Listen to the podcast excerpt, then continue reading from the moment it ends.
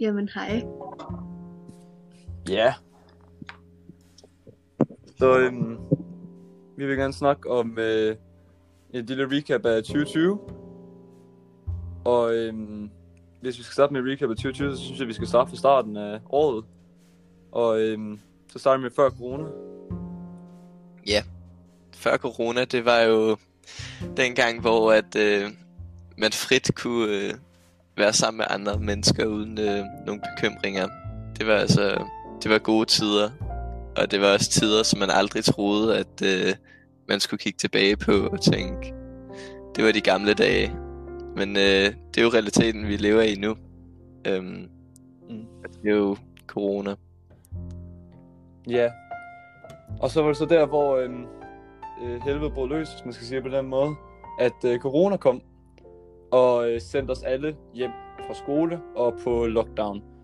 Øh, nogle gik glip af for eksempel, hvad skal man sige, lejreture og øhm, bare ture med klassen, og øhm, der var øh, alle eksamer blev øh, aflyst på en folkeskole og sådan noget. Øh, og øhm, hvor længe var det nu, den der øh, corona varede den første gang? Var det ikke sådan to måneder? Jo, Eller var det bare en måned? To måneder, tror jeg var rigtigt. Yes. Og så var det så der, hvor vi kom til sommerferien, hvor vi stadig var på lidt lockdown i starten af sommerferien.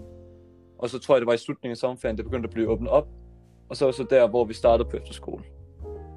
Og efterskolen var jo et helt særligt moment for os alle sammen. Endelig at kunne komme på efterskole, og vi har glædet os, og vi har rigtig ligesom håbet på, at vi rent faktisk måtte få lov til at komme afsted på efterskole, på grund af alt det her med corona ligesom kom og sådan noget. Og efter skolestart, der var restriktioner, og vi har stadig restriktioner. Øhm, men det var ligesom befriende at kunne komme på efterskole, og de her restriktioner, det var nogen, man rent faktisk ville kunne leve med, fordi altså, så slemme var de heller ikke, men de var sådan, mm. det var nok til, at man godt kunne mærke, at man ikke fik den måske fulde oplevelse af efterskolelivet, som rigtig mange ligesom har talt om. Men det var det hele værd, og vi var rigtig glade for ligesom at komme afsted. Og hele den her følelse af at komme væk fra det liv, vi kender herhjemme, har været rigtig, rigtig rart for os alle sammen. Øhm, så ja.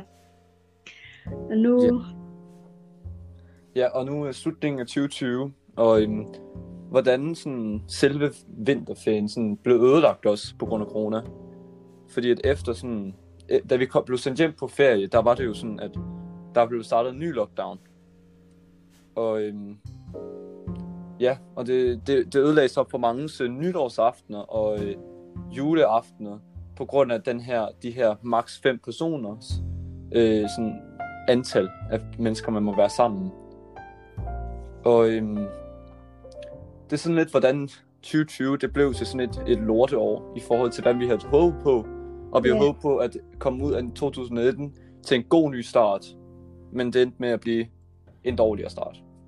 En dårligere start og et lidt mere slemt år.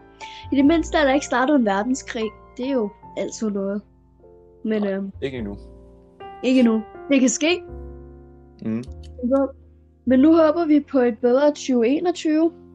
Øhm, vi håber på, at det bliver et noget bedre år end 2020, og at corona engang vil lade være med at være her på samme måde, som det ligesom har ødelagt sidste år. Og at livet bare bliver lidt bedre. Ja. Ja. Nogle restriktioner forsvinder og sådan noget. Det kunne være meget rart. Mm. Komme tilbage til sit normale liv. Eller Ja. hvad det nu skal betyde. Yes. Og det var vores podcast. Var vi med.